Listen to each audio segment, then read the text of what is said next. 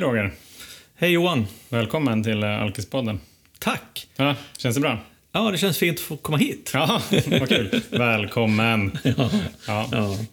Du har inte med dig någon idag? Eh, nej, inte du heller. Nej, inte jag heller faktiskt. Och Gustav var här, men han har gått. Ja, precis. Han, eh, han, ledsen, han trippar ner för trappan nu. Ja. Så det blir gästlöst. Mm, gästlöst, ja. Mm. Vad ska vi prata om idag? Ja, ehm, det här avsnittet släpps ju den 14 december, fredag. Och då har det ju då varit Lucia. Ja, exakt. Och ehm, vi funderade på att snacka lite grann om så här, Lucia, jul, helg, högtider. Vad har vi ställt till med? Hur känner vi oss nu? Mm. Lite sådana saker. Har du ställt till med någonting eller? Aldrig. Nej. Vad skönt, det blir ett kort Det var- avsnitt. Det var alltid andra som ställde till det. Ja, just det. Till exempel ja, den här klasskompisen som då på gymnasiet på Lucia-morgonen ringde hem och störde mina föräldrar på morgonen. Mm.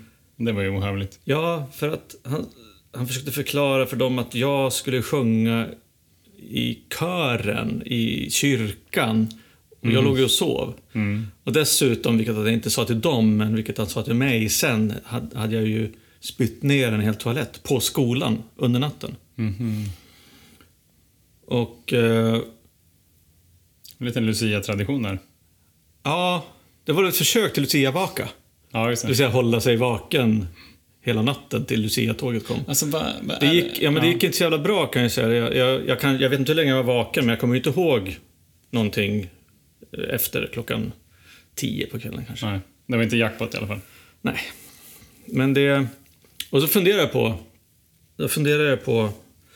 Jag tror att det här var i tvåan eller möjligen trean på gymnasiet. Så jag var väl 18 högst, liksom, max 18 år. Mm.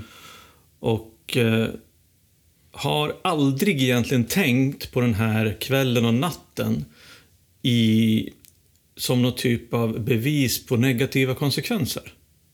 Nej, det är ju intressant. Ett, jag fick en blackout. Mm. Två, jag missade att vara med som en ganska betydande liksom, röst i kören på Lucia-morgon i domkyrkan. Mm. Tre, jag hade kräkts ner en hel toalett. Eh, fyra, jag kom liksom så här till skolan eh, efter halva dagen hade gått. Liksom. Mm. Och har aldrig tänkt på det som, något, som egentligen någon typ av... Ja, men att jag skulle ha reflekterat över då att, aha, ska det vara så här? Är det här ett normalt beteende? Eller borde jag tänka på att liksom styra upp mitt drickande? Mm. Det fanns liksom inte på kartan. Det var normalt tyckte jag. Ja. Det var nästan liksom nästan en fjäder i hatten. Så här. Lite, blev lite av en cool kille. Jättekonstigt. Och så började jag tänka på så här överhuvudtaget, liksom så här, vad fan höll man på att dricka liksom, när man var tonåring? Det är ju livsfarligt. ja, det har vi ju konstaterat flera gånger. Ja. Att det är egentligen underligt att vi sitter här idag. Ja, exakt. Själv då? Har du, Nej, har du stökat till det Nej. någonting? Aldrig? Nej, det har inte hänt, det har inte hänt någonting faktiskt. Nej. Nej, men jag kom faktiskt att tänka på också en Lucia-vaka. Det var nog den, kanske den, den första var i alla fall och förmodligen den enda. Jag fattade nog aldrig konceptet vaka. Alltså att det var att man skulle vara vaken hela natten då. Och sen så... Ja, till, till det här... Det, det, det hade inte jag kopplat, att det var liksom till Lucia-tåget. Men jag kommer ihåg, det var i Sundsvall i alla fall. Och det var väl kanske 95 Mm. något sånt där. Jag var 15. Och så var det på, det var på Filmstaden i Sundsvall. Mm. Så visade de eh, filmer under hela natten. Mm. Och jag och några kompisar, vi hade gjort världens häxbrygd där, kommer jag. Så jag hade en så här, Mm. någon blandning mellan, det var ju rödvin såklart i basen, där är det ju alltid tror jag. Och sen så whisky på toppen och lite Baileys. Eh, så det var ju Låter jättegott. fruktansvärt äckligt. eh, jag vet inte om jag, om jag liksom kaosade ur så mycket då, egentligen. Men det var en ganska märklig grej att göra, alltså sitta inne på Filmstaden, dricka sig full, kolla på filmer och försöka vara vaken, Mm. som hela natten. Mm. Jag tror jag tog mig till skolan dagen efter Mm. och såg det som ett bevis på att det här allt gick bra. Det var ju normalt. Och liksom, Mm. drycker. Det var ändå ganska stora mängder. Egentligen ganska tidigt. Men en grej som jag tänker på Ja. var, var på ett möte här för någon dag sedan och då det var någon som sa det här om, om konsekvenser. Att alltså ibland går det ju bra Ja. När man dricker. Och det kanske det gör i början, eller ja, sådär ibland. Det, kan, det kanske går bra från början var tredje gång, men sen var fjärde, var femte, var sjätte. Och då är det, då är det på något vis, jag tyckte det var så bra sagt, det är ungefär som, eh, som en revolver liksom. Som Ja. man, eh, man, man, man snurrar in, det är en kula liksom i. Och du vet inte om du får den i huvudet den här gången. Nej, som rysk roulette. Ja, precis. Ja. Rysk roulette, exakt. Och eh, det, var, det var ganska talande, tycker jag. För att jag inser att jag också letade efter de där kvällarna Ja. under mina sista fem, sex, sju år Ja, ja. som var sådär perfekta. Mm. När jag inte fick en blackout eller när jag inte Mm. somnade för tidigt. Eller, det blev liksom perfekt. Mm. Hur tänker du med det då? Hur var det för dig? Nej, men jag... eh, Jag håller med. Eh, Och jag tänker på min egen, min egen aktiva tid som drickare. Alltså, jag kan dela, egentligen kan man dela in den i tre faser. Om man är lite, lite slarvig. Tonårsfasen, så innan jag träffade min, mitt ex. Mm. Det gjorde jag ju när jag var 21. Så liksom från det jag började festa tills liksom vi blev ihop. Sen under tiden då som vi var tillsammans, eh, och det var ju ganska länge, det var nästan 20 år. Och så egentligen de sista kanske tre, fyra av de här 20 åren, när det liksom var nedförsbacke, när vi träffade botten. Så egentligen de tre faserna. Och eh, då tänker jag så här att jag var ganska, jag var en slow starter kan man säga, konsekvensmässigt och mängdmässigt. Jag hade nog i mig faktiskt hemifrån, eller från någonstans liksom att, nej men, jag ville inte i början liksom dricka så här supermycket. Jag ville framförallt inte dricka så här två dagar efter varandra. Jag tyckte att det var jobbigt att liksom dricka tidigt på dagen. Jag tyckte att liksom det kändes moraliskt fel. Du var ganska präktig. Ja, jag var präktig. Det är helt korrekt. Eh, jag tror att min, eh, min um, mitt umgänge, mina kompisar, liksom, de var mycket eh, värre, inom cita, citattecken, än jag var då när jag var tonåring. Eh, av dem är det ju inte så många som är eh, alkoholister. Det, det blev ju jag. Eh, men så att det, det behöver inte vara något bevis på att man kan hantera sitt drickande under kortare eller längre delar av livet för att alltså, säga att man inte är alkoholist. Jag har träffat, eh, faktiskt när jag var på behandling, en kvinna som, som var då ja, pensionär. Och hon hade inte börjat dricka överhuvudtaget förrän hon hade fyllt 40. Ja, okej. Inte liksom för att, eh, ja det var väl på, på grund av liksom arv och miljö. Mm. Eh, sen så byttes hennes miljö. eh, jag vet att hon, jag tror att hon, hon och hennes man flyttade till Tyskland och han jobbade där. Och då fick hon jobb på eh, den svenska paviljongen på någon sån här världsutställning i Hamburg eller Berlin eller vad det var Ja, någonstans. Och där, där så, en av de stora grejerna där var att man, man bjöd på Absolut Vodka Mhm. till alla gäster som kom dit. Och det var hennes jobb. Och det fick henne liksom att skåla med gästerna och börja dricka och sen så åkte hon dit och blev alkis liksom. Eh, så här, helt sjukt. Så att, så att eh, det, är- det är ju någonting som är intressant. Alltså att det be, just det där du är inne på, de här gångerna som det går bra och att jag inte har druckit destruktivt under lång tid, en lång, eh, stora delar av mina, mitt liv. Det är absolut inga bevis på att jag, eh, att jag inte är alkoholist. Mm. Eller garantier för att du inte kommer att bli. Exakt. Nej. Så, eh, men sen tänker jag så här att, att eh, ja, men jag tog ju lefatte där under de här korta åren då innan jag träffade min, min, min exfru och jag vet att det är ganska obegripligt för mig ändå för att när vi hade träffats och jag hade börjat liksom lugna ner mig lite grann var det flera, hon berättade, det var flera av mina bekanta och vänner som tyckte att det var bra att jag hade träffat henne så att jag inte liksom festade och drack så mycket. Ja, okej. Jag, hade liksom, jag förstod inte alls var det där kom ifrån. Det gjorde jag ju inte. Varför säger de så för? Mm. alla andra är ju mycket värre, Ja, tyckte jag. Mm.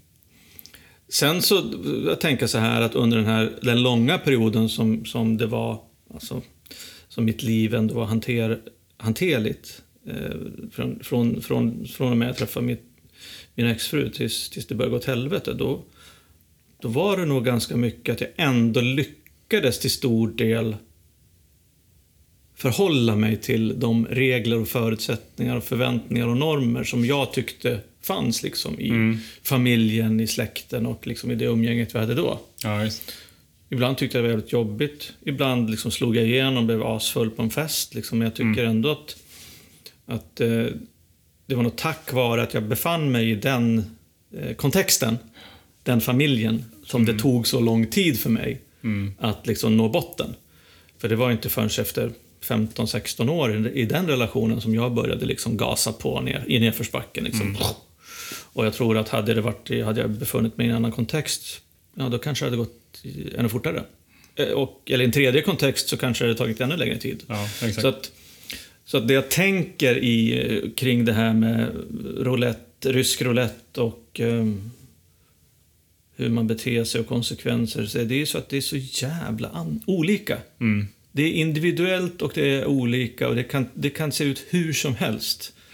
Förr eller senare så slår... Så, eh, en, om, om jag är alkoholist, så antingen så har jag det i mig genetiskt, jag vet inte. Så, så att liksom förr eller senare så kommer det bryta ut. Eller så går det att dricka sig till Ja, eh, det. alkoholism. Jag vet inte. Och jag vet inte om det spelar någon roll, men, Nej. men eh, någon av, befinner man sig i någon av de två lägena så, så kommer man ju förr eller senare att få så stora konsekvenser att, att det, det märks. Mm. Och så då kan man välja att sluta, eller så kan man välja att inte sluta, och så kan man välja att leva, eller så kan man ju välja i princip då att dö, Ja, exakt. beroende på vad som händer. Alltså min sån där var ju... Det är intressant att dela upp det i faser, tycker jag. Jag hade väl någon form... Jag gjorde väl inte någon så här jättetidig alkoholdebut.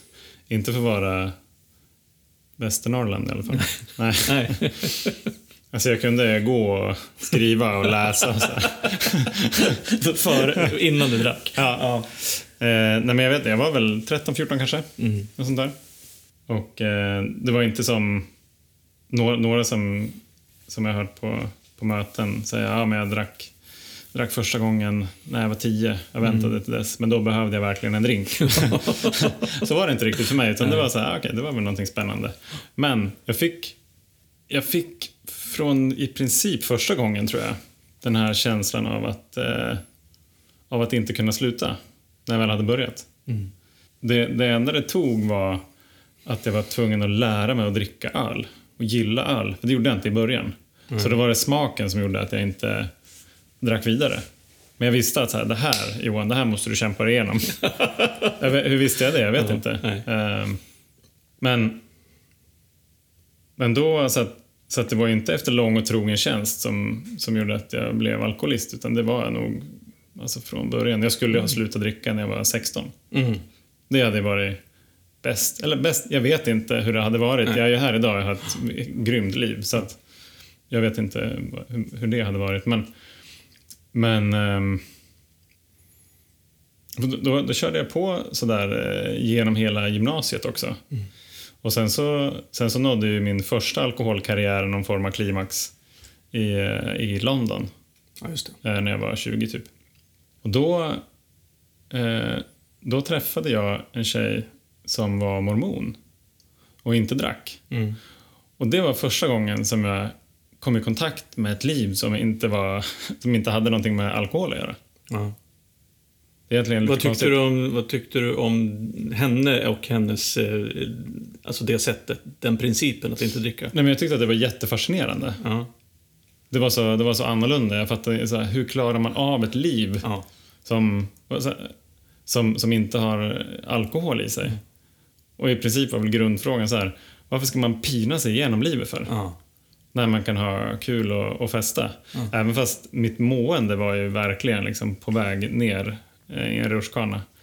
Eh, så det, var, det var nog räddningen faktiskt, att jag träffade henne och insåg att så här, man kan vara det går att vara spritfri i alla fall. Mm. De här människorna klarar ju av det. Och från, från den stunden med, med några sådana där eh, undantag längs vägen. Och då var, då var det också så här. Ja, men det kan, jag kanske kan dricka. Och så bara poff, så blev det blackout. Jag liksom kaosade ur på någon fest och somnade i soffan och så här. Och, och det var, för då började jag på, på universitet sen och eh, nere i Linköping. Och då var jag i princip, eh, jag höll mig från spriten eh, fyra år där. Men jag var väl inte speciellt nykter. Nej. Det var jag nog inte. Precis. Jag kom på en jävligt intressant fråga där. Eh, Vi, pratar om, alltså vi har ju pratat om vad är alkoholism. Liksom. Ja. Men du brukar säga att ditt problem var inte alkoholen. Nej. Utan det var liksom, alkoholen var lösningen. Ja, exakt. Eh, Och då, då tänker jag så här att, och nu säger vi så här att ja, men så länge vi inte dricker så slipper vi flera delar av den här sjukdomen. Det vill säga den fysiska allergin och den här eh, mentala besattheten som gör att vi måste dricka Ja, tills vi somnar eller vi måste dricka igen och igen och igen. Ja, exakt. Och då är frågan så här, då finns det kvar den här känslomässiga delen då. Och då är frågan, om du och jag aldrig hade börjat dricka, Mm. vad hade vi varit då? Vad hade vi varit torrfulla? Hade Eller hade vi varit glada och nöjda? Hade vi liksom ens vetat om det här, att vi var alkoholister? Eller, alltså det, är en sån här, det är en väldigt retorisk fråga och en väldigt filosofisk eh, liksom, tanke för att det är omöjligt Ja. att svara på. Men för jag tänker så här också, jag brukar säga alkoholreklam nu i tidningar. Då står det någon sån här varningstext att, att, eh, att börja dricka i tidig ålder ökar risken för alkoholmissbruk, att hamna i alkoholmissbruk eller något sånt där. Ja, okej. Och då säger jag så här, ja, men om, om man skulle bara redigera den här meningen så är det så att börja dricka ökar risken att hamna i alkoholmissbruk. ja. För så är det ju. ja. Att om du inte börjar dricka så kommer du att inte, inte att hamna i alkoholmissbruk. Men frågan är, vad händer med huvudet? Har... Nu blir det väldigt teoretiskt kanske här för er kära lyssnare. Först ut med den här lilla utsvävningen. Men Kör på. om vi inte hade börjat dricka, hade vi blivit lika störda? Ja, det tror jag. Absolut. Ja, fan vad Ja. skönt. Nej, men att vi det- inte gjorde det i onödan. Nej, exakt. Nej, men det, det, det tror jag absolut. Det var egentligen bara att, eh, för min del i alla fall, att, att alkoholen kom in som en Ja, lösning. men du tänker, du, tänker du att du hade fått en annan output? Tror du? Vad menar du? Mat, Ja, ja, sex, exakt. spel. Det, det, det jag menar. Ja. Så ja, det, okej. det kanske var bra att det var alkohol och inte någonting annat. ja, kanske. Nej, men, så här, Ja, ja. Istället för eh, dödsknark. Nej, men inte vet jag. Som, som en av mina vänner brukar säga. Eh, Ja, men det är sant. Men jag vet inte. Men, men någonting var det ju i mig som, som lättade när jag fick alkohol. Det beror ju också på att jag menar, alkohol är ju någonting som är, även om man är ung i Sverige, ganska lättillgängligt. Och Ja. lagligt om man är över 18. Liksom. Ja, precis. Så att det, det, det gör ju sitt till, förstås. För- är för- svår- för mig har det alltid varit svårare att få tag på dödsknark Ja, än ja, alkohol. Det är det nog. eh, För de flesta också. Ja. Nej, men för att för under, den där, eh, under den där spritfria perioden så var jag inte... Jag klassade mig ju då som att jag var nykter, men jag skulle inte göra det idag om jag hade fått ställa Nej, en, du var spritfri. en diagnos på mig själv. För att eh, jäklar vad jag knarkade andra grejer. Alltså betyg knarkade jag. Knarkade stress väldigt mycket. Ja. Det är Eh. fascinerande ändå tycker jag att, att eh, jag och du och andra alkoholister som jag har pratat med eh, har en sån förmåga att försätta sig i antingen offer eller stresssituationer eller kaos. Därför att vi, det, det är situationer som vi vet att vi kan på något vis, att man kan vara i dem. Jag tror att jag är beroende av lidande också. Ja. Faktiskt. Att det, det är någon form av... eh, Det kan ju vara en ganska härlig känsla att gå rakt in i den där offerhörnet där. Okej. Och sitta där och gotta. Jag brukar ju säga att jag var ju, jag var ju så här, eh, jävligt bra på att vara olyckligt kär. Ja, just det. Det är perfekt. Ja, jag älskar ju nästan det. Ja. Alltså, fast jag gjorde ju inte det då, men eh, så här med, lite, med en liten analys efterhand så Mm. det var inte så att jag kanske sökte det direkt, men Men alltså, fan vad bra jag var på att vara det offret alltså. Mm. Och jag liksom, det var en roll som var skriven för mig. Mm. Det kan man lätt säga. Men jag menar, det var ju den, det var ju den offer, offerrollen som jag gick in i med hull och hår som gjorde att jag började dricka igen när jag bodde i Japan. För att jag tyckte att, eh, att det var alldeles för jobbigt. Mm. Eh, att jag hade då en, eh, en flickvän hemma som inte mådde så bra. Jag mådde inte alls speciellt bra över, över hela den situationen. Och, ja, jag, jag jag tyckte helt enkelt att så här, men när jag mår så här dåligt, då har jag åtminstone förtjänat att få dricka lite. Mm. Nu var det ju fyra år sedan, så det kanske Ja. går bra. Och som jag berättade förut så var det så här 17 Guinness eller liksom vad det var. Första gången. så att det var ju bara tillbaka på... Ja, men det fanns ju plats för dem där efter fyra Ja, år. exakt. Precis. Det fanns ju plats. Och vilja. Ja. Stor, vi har pratat om villighet. Där fanns en stor villighet i alla fall. Ja. Att, eh, att dricka. Eh, och jag tror att det har nog varit eh, det har nog varit det som, eh, som har gjort mig till antingen en aktiv eller torrfull alkoholist i nästan, i åtminstone hela mitt vuxna liv tills jag blev nykter på riktigt för tre år sedan. Att jag var i den där offerhörnet där.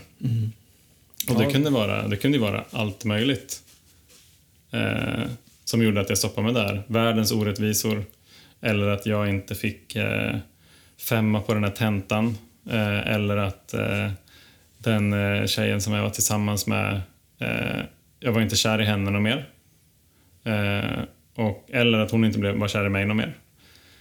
Eh, ja, liksom, listan kan göras ganska lång på saker som, som gjorde att jag tyckte att livet var orättvist mot just mig. Men det där är ju intressant. eh, Alltså, nu har vi pratat lite grann om...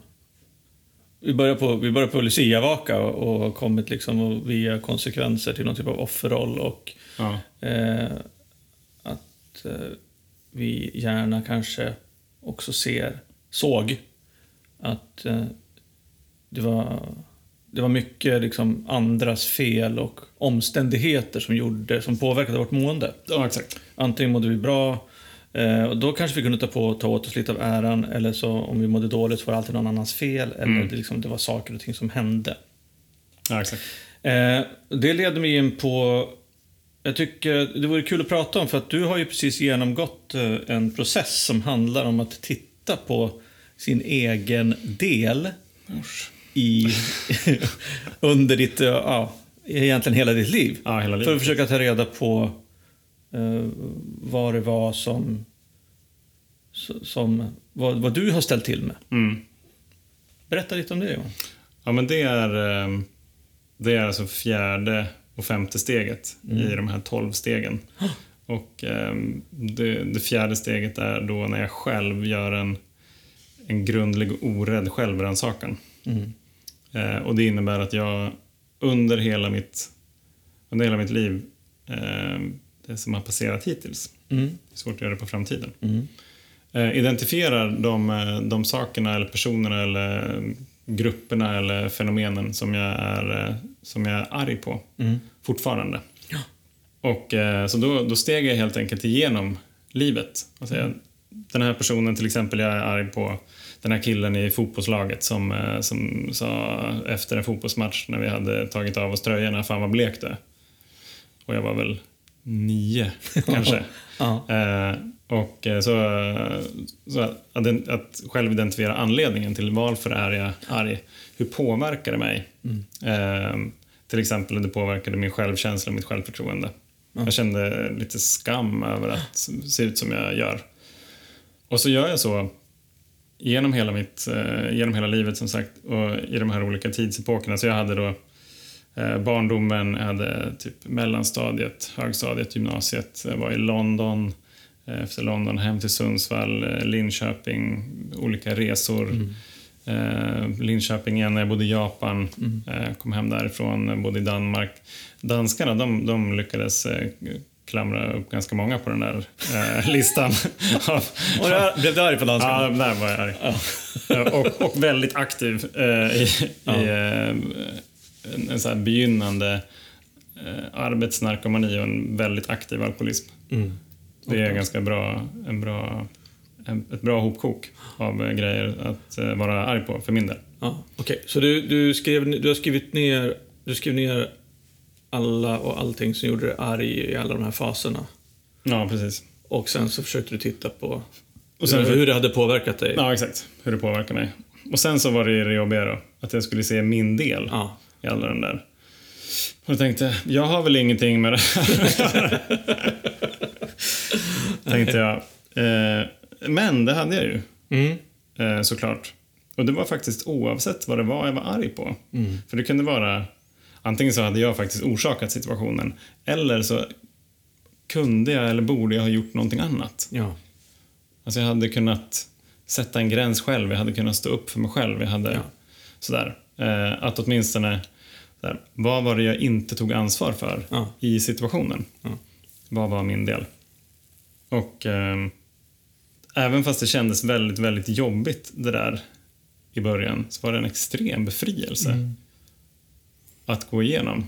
För att det, jag insåg att eh, det är bara mitt sätt att se på världen som, som styr hur jag upplever den. Ja, Jag menar- och då... Vad roligt. Då kommer vi tillbaka till det här sköna citatet som du sa typ i avsnitt två eller tre. Sån där. Vad sa jag då? då? Det är inte hur man har det, Ja, det är hur man tar det. det är hur man tar det. Ja, exakt. Ja, det var klokt. Det var klokt redan då. Ja, det var klokt redan Ja. då. Ja, precis. Ja, fan Redan innan ja, det där steget. Exakt. Jag har ju också, jag har ju också gjort det där och... Eh, eh, Vad var jobbigast för dig med det steget? nej, men det jobbigaste var nog... Eller jag hade... Jag visste nog med mig när jag hade blivit nykter att jag hade lagt jävligt mycket negativ energi på mycket andra människor. Alltså irritera mig på.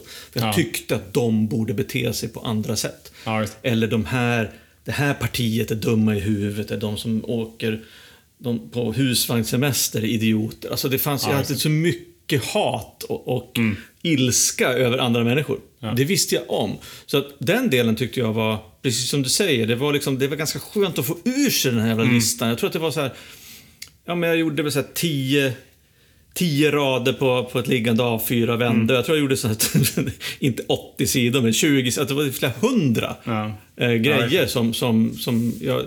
Och bara liksom att, att gå igenom sin jävla arga ryggsäck och få, Mm. få ut allt det här. Bara det gjorde någonting. Och sen titta, jag, precis som du säger, titta på sin egen del.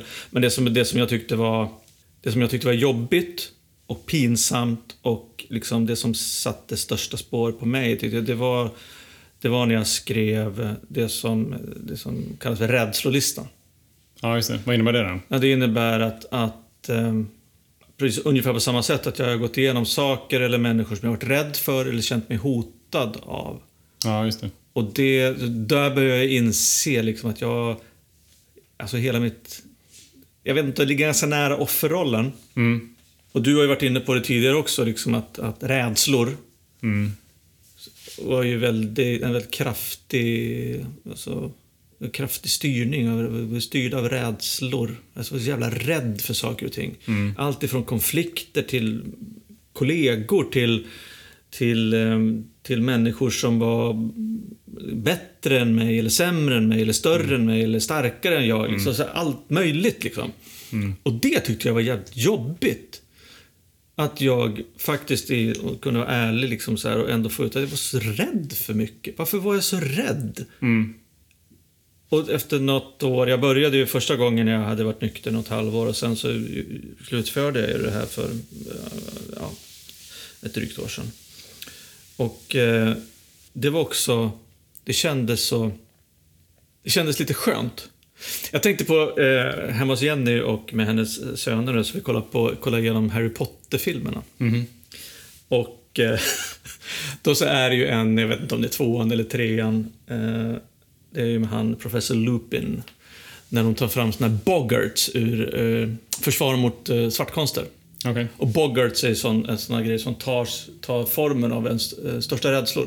Kommer ut ur en garderob. okej. Och sen ska man då tänka sig den här, liksom, det man är rädd för. Mm. Typ som professor Snape med roliga damunderkläder. Och så säger man ridiculous. Och att göra det här med rädslolistan, det var lite grann som att göra det. Man tog fram sina rädslor och sen försökte man liksom titta på dem och förstå dem. Och då, liksom, då försvann de lite grann. Mm. Alltså, framförallt när jag kunde se mönster och när jag kunde tänka så här, men varför? Dels så kunde jag ju tänka själv, varför har jag varit rädd för den här typen av människor under hela mitt liv? Jo, det kanske beror på det. Mm. Ehm, så att det, det tyckte jag var både det jobbigaste, men också det bästa eh, i att göra det. Och sen så också gå igenom sex och relationer. Vad innebär det? Det innebär att precis på samma sätt att man i princip går igenom varenda ehm, relation, varenda, varenda gång man har haft sex med någon. Mm. För att enligt eh, eh, ja, Bill och Bob, då, de som har skrivit eh, stora boken om hur man tillfrisknar från alkoholism, så är det en viktig del i, i alltså beteendet för en alkoholist som är ganska destruktivt, egoistiskt i relation till andra människor. Och det enklaste sättet, eller det bästa, starkaste sättet att se det är ju då i sexuella och eh, alltså kärleksrelationer. Så då får man också gå igenom och titta på sina egna motiv. Mm. Dels varför man ville, eller hade sex eller en relation med en annan människa, men också hur den relationen eh, såg ut. Och hur, om det var liksom, om det var egoistisk eller destruktiv eller kärleksfull. Mm. Och visst, jag hittade väl en del kärleksfulla saker när jag gick igenom den li- listan också. Mm. Men också ganska många destruktiva, själviska beteenden just kring, kring områdena sex och relationer. Just det. Så att för mig var det de tre grejerna och sen, sen göra då en lista på personer som har skadat. Det kommer i och för sig lite senare, men Det är det, görs ju delvis i steg fyra. Det är det här jag är lite orolig för. Vi har ganska många på den här listan, nämligen. Ja. Men det var ju en... eh, Det var ju både en eh, jobbig och en härlig dag som jag hade med min sponsor där för, förra helgen. ja, och då har du kommit till steg fem. Ja, precis. Vi har ju varit... eh, Och för, för att klargöra, steg fyra är då man skriver för sig själv. Samlar in all data. Ja, precis. Och steg fem då är då man delar med sig Ja, exakt. och erkänner. Precis, och, och jag menar naiv. Jag är, jag är ganska naiv fortfarande. Ehm, jag vet inte om det är speciellt gulligt. Det kan man ju tänka sig att det kan vara. Men jag vet inte om det är det i det här fallet i alla fall. Men jag tänkte ju att ja, men det är nog inte så mycket på den här listan. Jag har säkert eh, röjt undan ganska mycket i tre år av terapi och Ja, herregud liksom. ja, det går väl ganska fort. Så att eh, vi bokade in, eh, jag tror att jag fick tre månader på mig att, att skriva. Ja. Alltså, herregud. Alltså vi är klar, inte nästa vecka kanske, men ett par, tre veckor. ja. Bara, okej, men eh, hör av dig när du är klar då. Men ni bokade in det här datumet? Ja, vi bokade in datumet. Preliminärt. Ja, exakt. Första december. För ombokning? Precis. Ja. Han var så här, okej, ja, men jag vet, det ligger, det ligger alldeles för långt fram, men vi, vi bokar in ett nytt då, när du är klar. och Ja. eh, det, det fanns ju en hel del att, att ösa ur och jag är en, jag är en noggrann person. Eh, och det är jag glad över att jag är i det här fallet, för det känns som att jag varit bort i de flesta skrymslen och vrår Mhm. av eh, ja, både mitt tidigare och mitt nuvarande liv. Mm. Det finns säkert grejer kvar där som jag, som jag fortfarande förnekar. Men eh, så gott jag kunnat i alla fall, så jag var där. Men och då, då fanns det en hel del grejer att gå igenom så att vi, så att vi hade en eh, riktigt mysig lördag där vi spenderade 12 timmar tillsammans. Där han fick eh, den stora äran att lyssna till eh, alla mina bekännelser kring Det låter ju jättemysigt. Ja, ja, absolut. Alltså vi käkade god mat, Ja, ja, ja. fikade, Ja. tog en promenad. Sådär, men det var ju... Det, ett så tycker jag att det var... Även fast det var det, var det jag var rädd för såklart, apropå rädslor, att faktiskt att erkänna för mig själv och en annan människa alla de här sakerna som jag har, som jag har gjort. Eh, Bra, vi, vi stannar där. Eh, jag satt och tänkte på precis nu när du pratade, det är ju också en, en av mina dåliga sidor som jag har, att jag måste tänka på vad jag ska säga när någon Ja. annan berättar någonting. Men just det där att en sak som är avgörande, tycker jag, i, det här steg, i de här stegen, det vill säga fyra och fem, det är faktiskt att jag avslöjar eller erkänner hemligheter om mig själv Mm. som jag inte har berättat för någon annan, knappt mig själv, Knappt mig själv, exakt. tidigare. Mm. Vilket gör att det blir alltså en ärlig inventering av mig själv, en självrannsakan och där jag faktiskt tillsammans med en sponsor Mm. eh, har jag gjort det också. Jag gjorde det med min sponsor, du gjorde det med din sponsor. Och det är alltså en människa som har gjort stegen förut i programmen, 12-stegsprogrammen. Erkänner skit. Pinsamma, jättejobbiga, skamliga, kanske ibland inte så mycket för min del, olagliga, omoraliska, eh, destruktiva grejer som man kanske aldrig har sagt till någon annan människa förut. Ja, exakt. Och det är ju... För mig kändes det så, alltså när jag jobbade med min sponsor, att det här är en människa som jag kan säga de här sakerna till. Mm. Därför att eh, inte dömande. Har förmodligen gjort mycket värre grejer själv. eh, och eh, det sker liksom i en process där vi, där vi känner att vi kan liksom, lita på varandra. Så det är väldigt renande på det sättet tycker jag, det här femte steget. Jag tycker det var fascinerande att, att få ur sig allt det där då under de här 12 timmarna. Och personen fortfarande är kvar. ja, exakt. Eh, och min, min egen reflektion från det, det var ju så här, det är helt, eh, det är helt galet att du, att du fortfarande sitter här liksom, efter det som jag har berättat. Alla de här hemligheterna, precis som du säger. Det som jag inte ens har vågat se själv förut. Jag bara, nej men om, om något så älskar jag dig ännu mer nu. När jag ser ännu mer vem du är. Och jag tror att, alltså det var ju såklart väldigt skönt att höra, men jag tror också att jag hade nog, jag hade tyckt samma sak. Alltså det handlar om att bara få se, få se en, eh, en människa helt naken. För vad han eller hon är och har gjort. Utan, att, utan att döma åt det ena eller andra hållet. Nej, precis. Och jag tänker så här att på ett sätt så är ju det här liksom det centrala i tolvstegsprogrammet. Det finns ju några grejer att man, man, man ber om hjälp och man, man tror att det finns en kraft som är större än jag själv. Och jag, men just det att jag gör den här, jag rensar undan vrakgodset ifrån mitt förflutna och berättar det för någon annan. I då förhoppningen om att, den här, att man kan typ släppa taget om sina gamla dåliga beteenden. Vilket egentligen är det som är förändringen. Den här 180 grader. Så att man genom att göra det här, genom att skriva ner och berätta för någon så, och naturligtvis genom handling och jobba med andra, hjälpa andra, så, så, så, så kan man bli en bättre människa. Och det låter ju, det låter ju så enkelt. Ja. Visst gör det det? Men egentligen är det ju enkelt. Ja, Men det kan ju vara skitsvårt att göra. ja absolut. För att jag är helt livrädd. Ja. För att eh, se på saker som jag inte har velat se på. Förnekat under så många år. Ja. Och sen ska någon annan jävel sitta där och lyssna på det. Ja. Alltså, rent intuitivt så hade jag vägrat göra det. Ja, och det är också... För, alltså, om det inte hade föreslagits. Ja, och det är också så här att det är nästan så enkelt så att det går inte att tro på att det funkar. Nej, att det låter precis. för enkelt. Mm. Jaha. Så att, men, du har skrivit en lista på grejer som du har gjort, lite hemligheter som du skäms för. Mm. Människor som du har liksom, sårat och så. Mm. Och sen berättar du det för en annan människa. Ja. Och sen så, i och för sig då, så, så har du, du kvar att, att be om ursäkt till de människorna som ni kommer överens behöver en ursäkt Ja. för dina beteenden. Och sen är det liksom, sen är du en skön snubbe. Äntligen.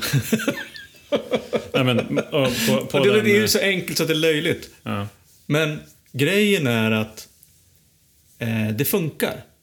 ja. Och Eller jag hoppas det. ja, men det har ju funkat, det har funkat för mig, det har funkat för, för så många andra som, som vi träffar. Så att det finns liksom, det finns liksom eh, bevis. Det, finns, det finns en kritisk massa av människor som det här har fungerat för. Empiri. Ja. Och eh, vilket gör att, att, eh, att ungefär lika lite som jag förstår varför jag slutade dricka Lika lite förstår jag varför det här funkar.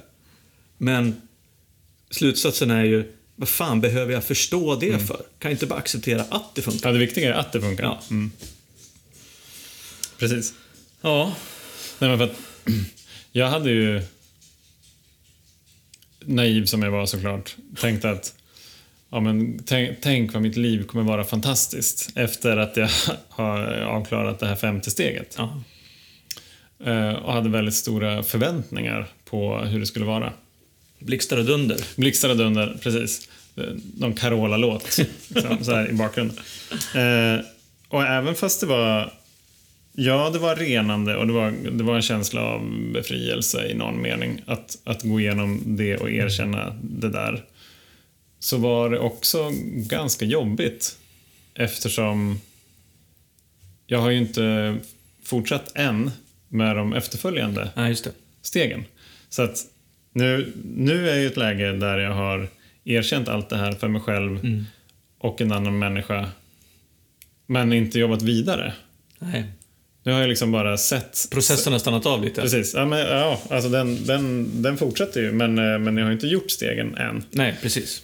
Eh, Så att nu är jag liksom bara, bara i ett läge, ha, nu har jag sett, sett alla de här sidorna av mig själv. Eh, Allt som är dysfunktionellt Mm. eh, hos mig.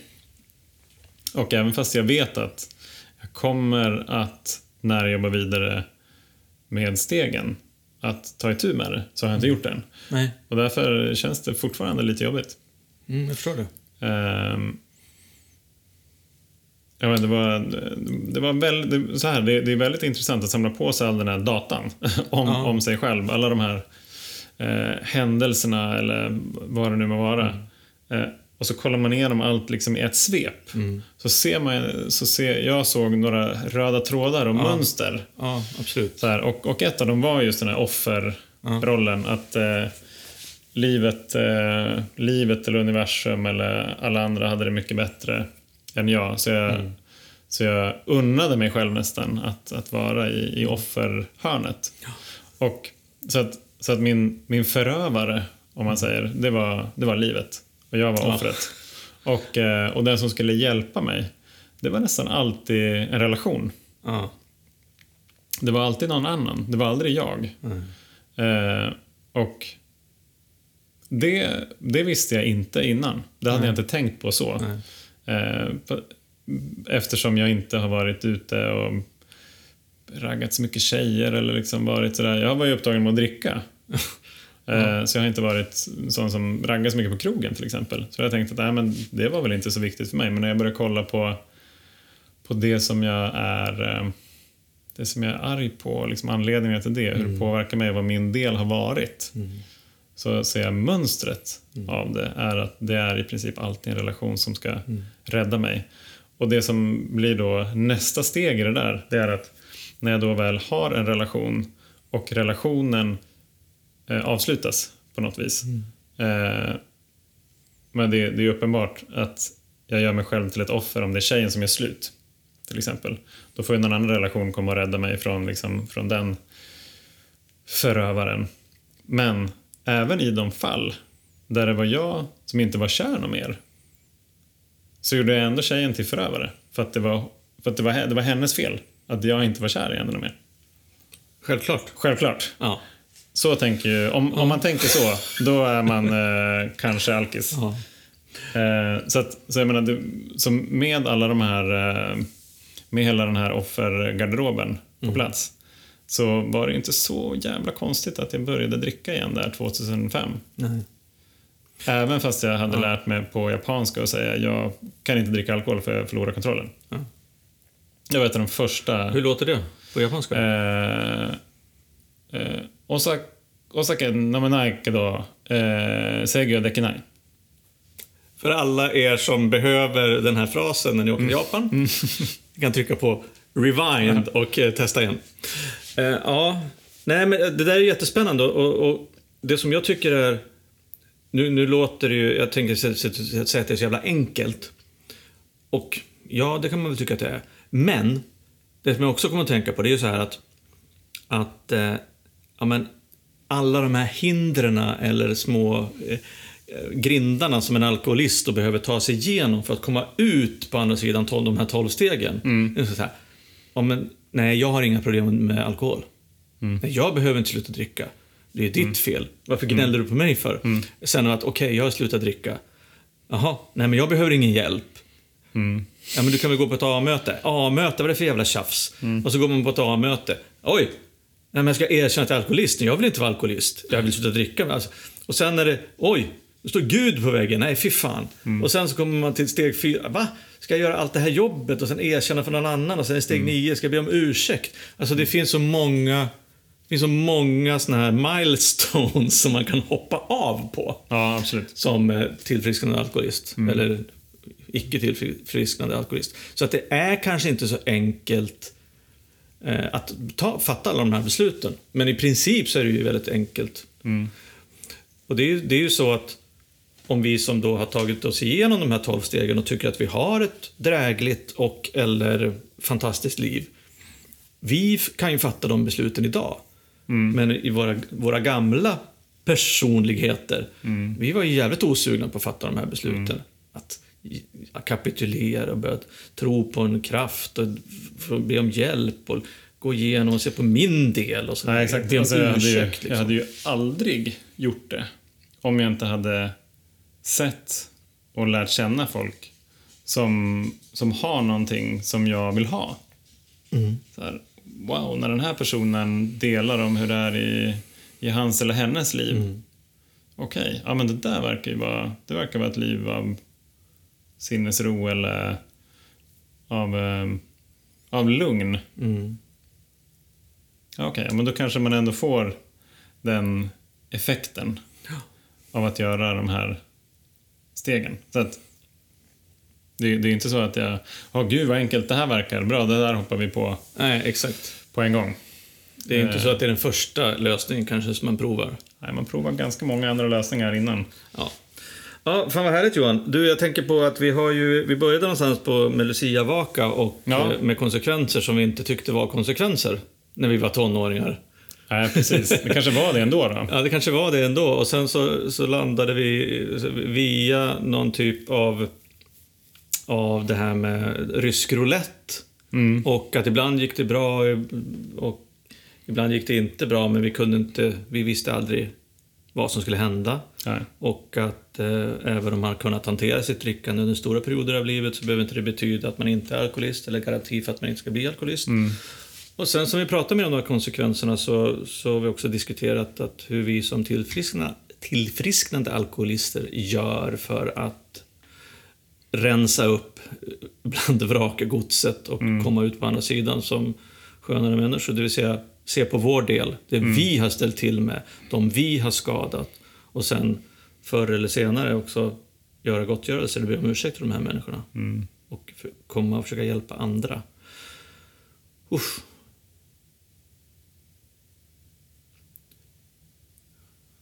Har du något mer? Nej, det var dagens avsnitt. Ja, det var dagens avsnitt.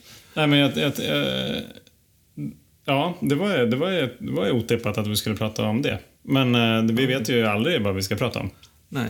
Eh, men en... Lite rysk roulette kan man Ja, säga. lite rysk roulette. Kan... när, vi, när vi poddar. Nej, men jag, jag, en, en sak som jag kom att tänka på, som inte alls har någonting med det som du sa att göra, det är att eh, vi, vi fick ett diplom Det fick vi verkligen. eh, här eh, från, eh, från IQ, Ja. för att vi är ett eh, IQ-projekt. ja. Och det var jättekul att det prata med dem roligt. om, eh, om eh, ja, vår syn på alkoholism och alkohol och trender där ute. Ja, och eh, de gör ett fantastiskt jobb tycker jag. Och det, är, det är också ganska lätt för mig att se på hur olika jag värderar det jobbet de gör idag och för 15 år sedan kanske. Det var, det var inte deras största fan. Nej, jag brydde mig inte speciellt mycket om dem tidigare. Nej, det var, det var fantastiskt. Eh, så att nu har vi ett diplom. Ja, För tillfället så står det här hemma hos Johan. ja, precis. Vi får väl försöka... Eh, Hitta någon delad vårdnad. Ja, någon schema. Mm. Eh, sen kommer jag att tänka på att, eh, ja som sagt, det var Lucia igår. Året är snart slut. Eh, jag skulle vilja puffa lite grann för ett eh, nästa fredag. Då kör vi ett grymt avsnitt med ehm, en tjej som vi kommer att avslöja namnet på senare, men det som handlar om medberoende. Ja. Som jag tycker att alla som känner sig lite sådär eh, medberoende eller nyfikna på medberoende och har lite tankar kring, kring eh, fan det kommer vara i jul. Mm. Så passa på att lyssna på det avsnittet. Släpps då eh, fredagen den 21. 21 blir det. Eh, grymt. Och sen så har jag och Johan tänkt spela in en årskrönika. Det är klart vi ska göra det. Yes, yes, Varför skulle, yes. inte, varför skulle Yes. inte Alkispodden ha en årskrönika?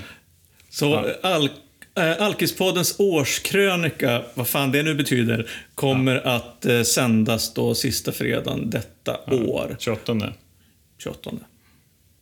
Så att eh, då är ni välkomna att, eh, höll jag på att säga, ringa in det nya året, eller åtminstone titta på året som har gått Ja, med exakt. oss. Vi tänker oss att vi försöker sammanfatta det vi har varit med om sedan första juni. Mm.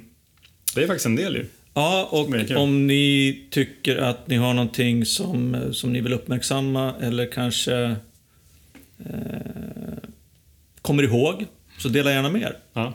på alkispodden.gmail.com eller Facebook eller Instagram eller ja, så. Mm. Skönt. Ser vi fram emot. Ja, Lusselelle, Lusselelle. Då är det bara tio nätter kvar till jul nu då. Uff, vad spännande det blir. Ja. Gillar du jul? Ja, men det gör jag. Jag, jag gillar ju julkalendern. Jag Ja. kollar på varje morgon. Ah, ja, det gör inte jag. Men jag älskar julen, ljusen och musiken. Stressen och värmen. Alltså på riktigt, jag tycker att det är så Gör det? här. Ja. Det är lite sjukt. ja, det är för att jag lyckas ju hålla mig utanför stressen på något vis. Jag blir inte så mycket stressad. Men jag tycker att det är skönt. Jag tycker att det är härligt. Vi får prata mer jul kanske sen. Ja, det får vi Eh, göra. Vårt, eh, Vår krönika. Och eh, ja, som sagt. Och ni som har lite så julfunderingar på hur ska det gå, se till att lyssna på avsnittet nästa fredag. Och hör av er till oss. Och hör av er till oss. Ja, ha en skön helg hörni. Skön helg. Kram. Kram. Hej då. Hej då.